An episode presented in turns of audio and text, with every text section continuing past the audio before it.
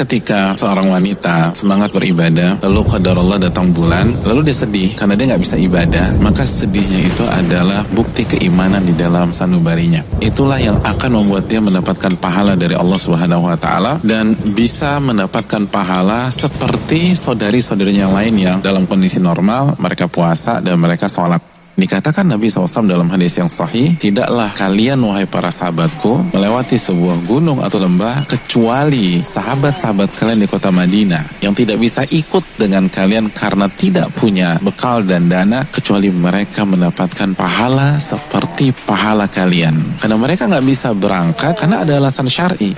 Adapun wanita pada saat datang bulan senang lalu sebelum tidur dia katakan Alhamdulillah gue lagi datang bulan terus gue bisa bangun jam 9 pagi dan gue bisa makan bakso Mang Udin, maka dia nggak dapat pahala sama sekali.